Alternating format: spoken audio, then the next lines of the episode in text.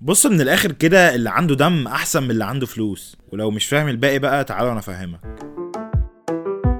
مساء صباح الهم على كل اللي ما عندوش دم.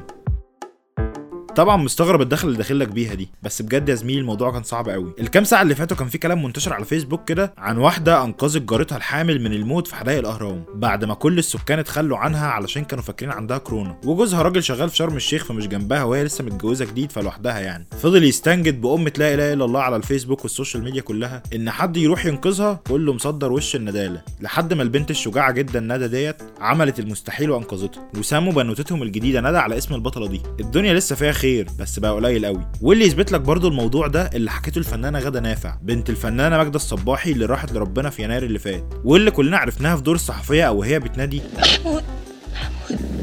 في فيلم العمر لحظة اللي بيجي في ذكرى حرب أكتوبر دايما. غدا بنتها زعلانة بقى إن مفيش أي حد فكر يكرم مامتها في المهرجانات اللي اتعملت طول السنة اللي فاتت. وكمان الفنانات اللي كانوا صحاب ماجدة الله يرحمها الروح بالروح محدش فيهم فكر يسأل ولا يحيي ذكرها حتى. وحاجة كده مأساة يعني. وطبعا هي كورونا كانت سبب في الوحدة اللي حس بيها ناس كتير الشهور اللي فاتت. بس في دراسة اتعملت بقى وقالت إن أكتر ناس حسوا بالوحدة كانوا الرجالة السناجل والله يا صاحبي ما كذب. أول واحد بقى جه في بالي لما شفت الموضوع ده على السوشيال ميديا كان رفيق الوحدة مهاب صلاح اللي يا عيني كان متأثر قوي بالموضوع ده. وقال لي بقى أنا الوحدة كانت عاملة معايا إن أنا والسرير كنا واحد يا صديقي والله.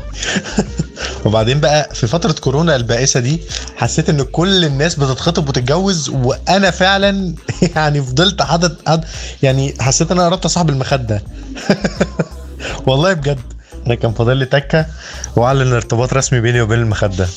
يعني خلاص مع المخدة والسرير. للدرجه دي؟ والله يا ابني صعبت عليا. وطبعا الرجال اللي كانوا حاسين بالوحدة كانوا عايشين على تيك توك بقى يسلوا نفسهم فاكتشفوا إن البنت منى عبد العزيز اللي كانت قبض عليها السنة اللي فاتت ديت بعد ما شوية عيال كده اغتصبوها في فندق وحوار غريب كده. بس هي كانت طلعت تاني من السجن لما عرفوا ان معلاش حاجة وراحت مركز تأهيل وقعدت مع وزير التضامن وقالت لها أنا مش هلبس عريان تاني أنا كنت غلطانة بقى وخلاص مش تتكرر. وفعلا عملت فيديو وقالت هلبس حجاب وبتاع بس لقيت موضوع الحجاب ده مش بيأكل عيش تقريبا. فقلعته بقى ورجعت ريما لعادتها القديمة. والفكرة إن لسه قضيتها الأولى ما خلصتش شكلها ناويه تدخل في قضيه تانية ولا إيه؟ مش عارف. وفي وسط كل المشاكل والحوارات دي انتشر برضو كلام إن خلاص الحكومة ناوية ترفع الدعم على أي أسرة فيها أكتر من طفلين عشان الناس تخاف وتخف بقى في الخلفة شوية. حرام يعني. بس الكلام ده زعل ناس كتير برضو. تفهمش ليه الصراحة يعني. لو إحنا مصريين لو ما عملناش عزوة نتحرق. مش مهم نقدر نأكل العيال ولا لأ. امركم غريب أيها المصريين. وبمناسبة العزوة مايكروسوفت كانت عاملة قلبان امبارح بعد حوار إنهم شغالين على اختراع جديد كده هيسهل علينا التواصل مع الموتى في العالم الآخر.